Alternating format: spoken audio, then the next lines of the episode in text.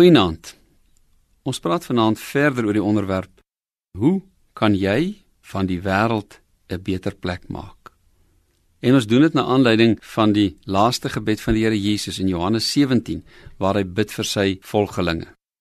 Jesus bid tot sy Vader en sê: Vader, die tyd het gekom. Verheerlik u seun sodat die seun u ook kan verheerlik. U het hom immers die volmag oor die hele mensdom gegee om almal wat U hom gegee het, die ewige lewe te gee.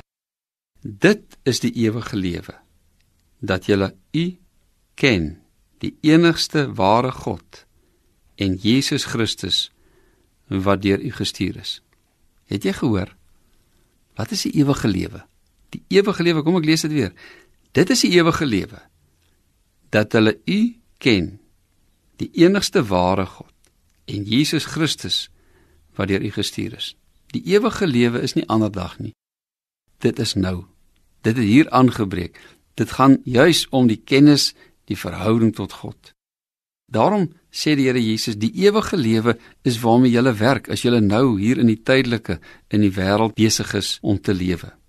Dis die wete dat daar nie net 'n eendag is nie, maar dat dit dringendheid nou is. In Christus het jy reeds alles ontvang om van hierdie wêreld 'n beter plek te maak. Die kennis en die verhouding met die lewende Here. En uit daardie verhouding sê hy dan gaan gebruik dit. Ek gaan vir jou niks vra wat ek nie eers vir jou gegee het nie. Ek het vir jou in 'n huwelik geplaas, ek het vir jou kinders, werk, familie gegee, ek het vir jou talente gegee.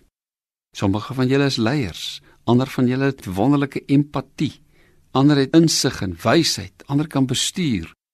Ons gaan nie almal dieselfde dinge doen nie. Maar ons gaan elkeen op ons eie manier 'n verskil kan maak. Net soos jou vingerafdruk, jou DNS, net so is jou samestelling ook uniek en het jy sterkpunte waarop die Here sê jy moet bou om van hierdie wêreld 'n beter plek te maak. Kom ons bid vanaand vir die leiers in hierdie land.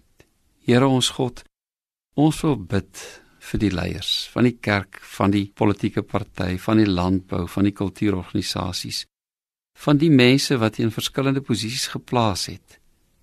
Here gee wysheid. Gee vir hulle toerusting in Christus dat hulle iets van u teenwoordigheid in hierdie wêreld sigbaar maak. In Jesus se naam. Amen.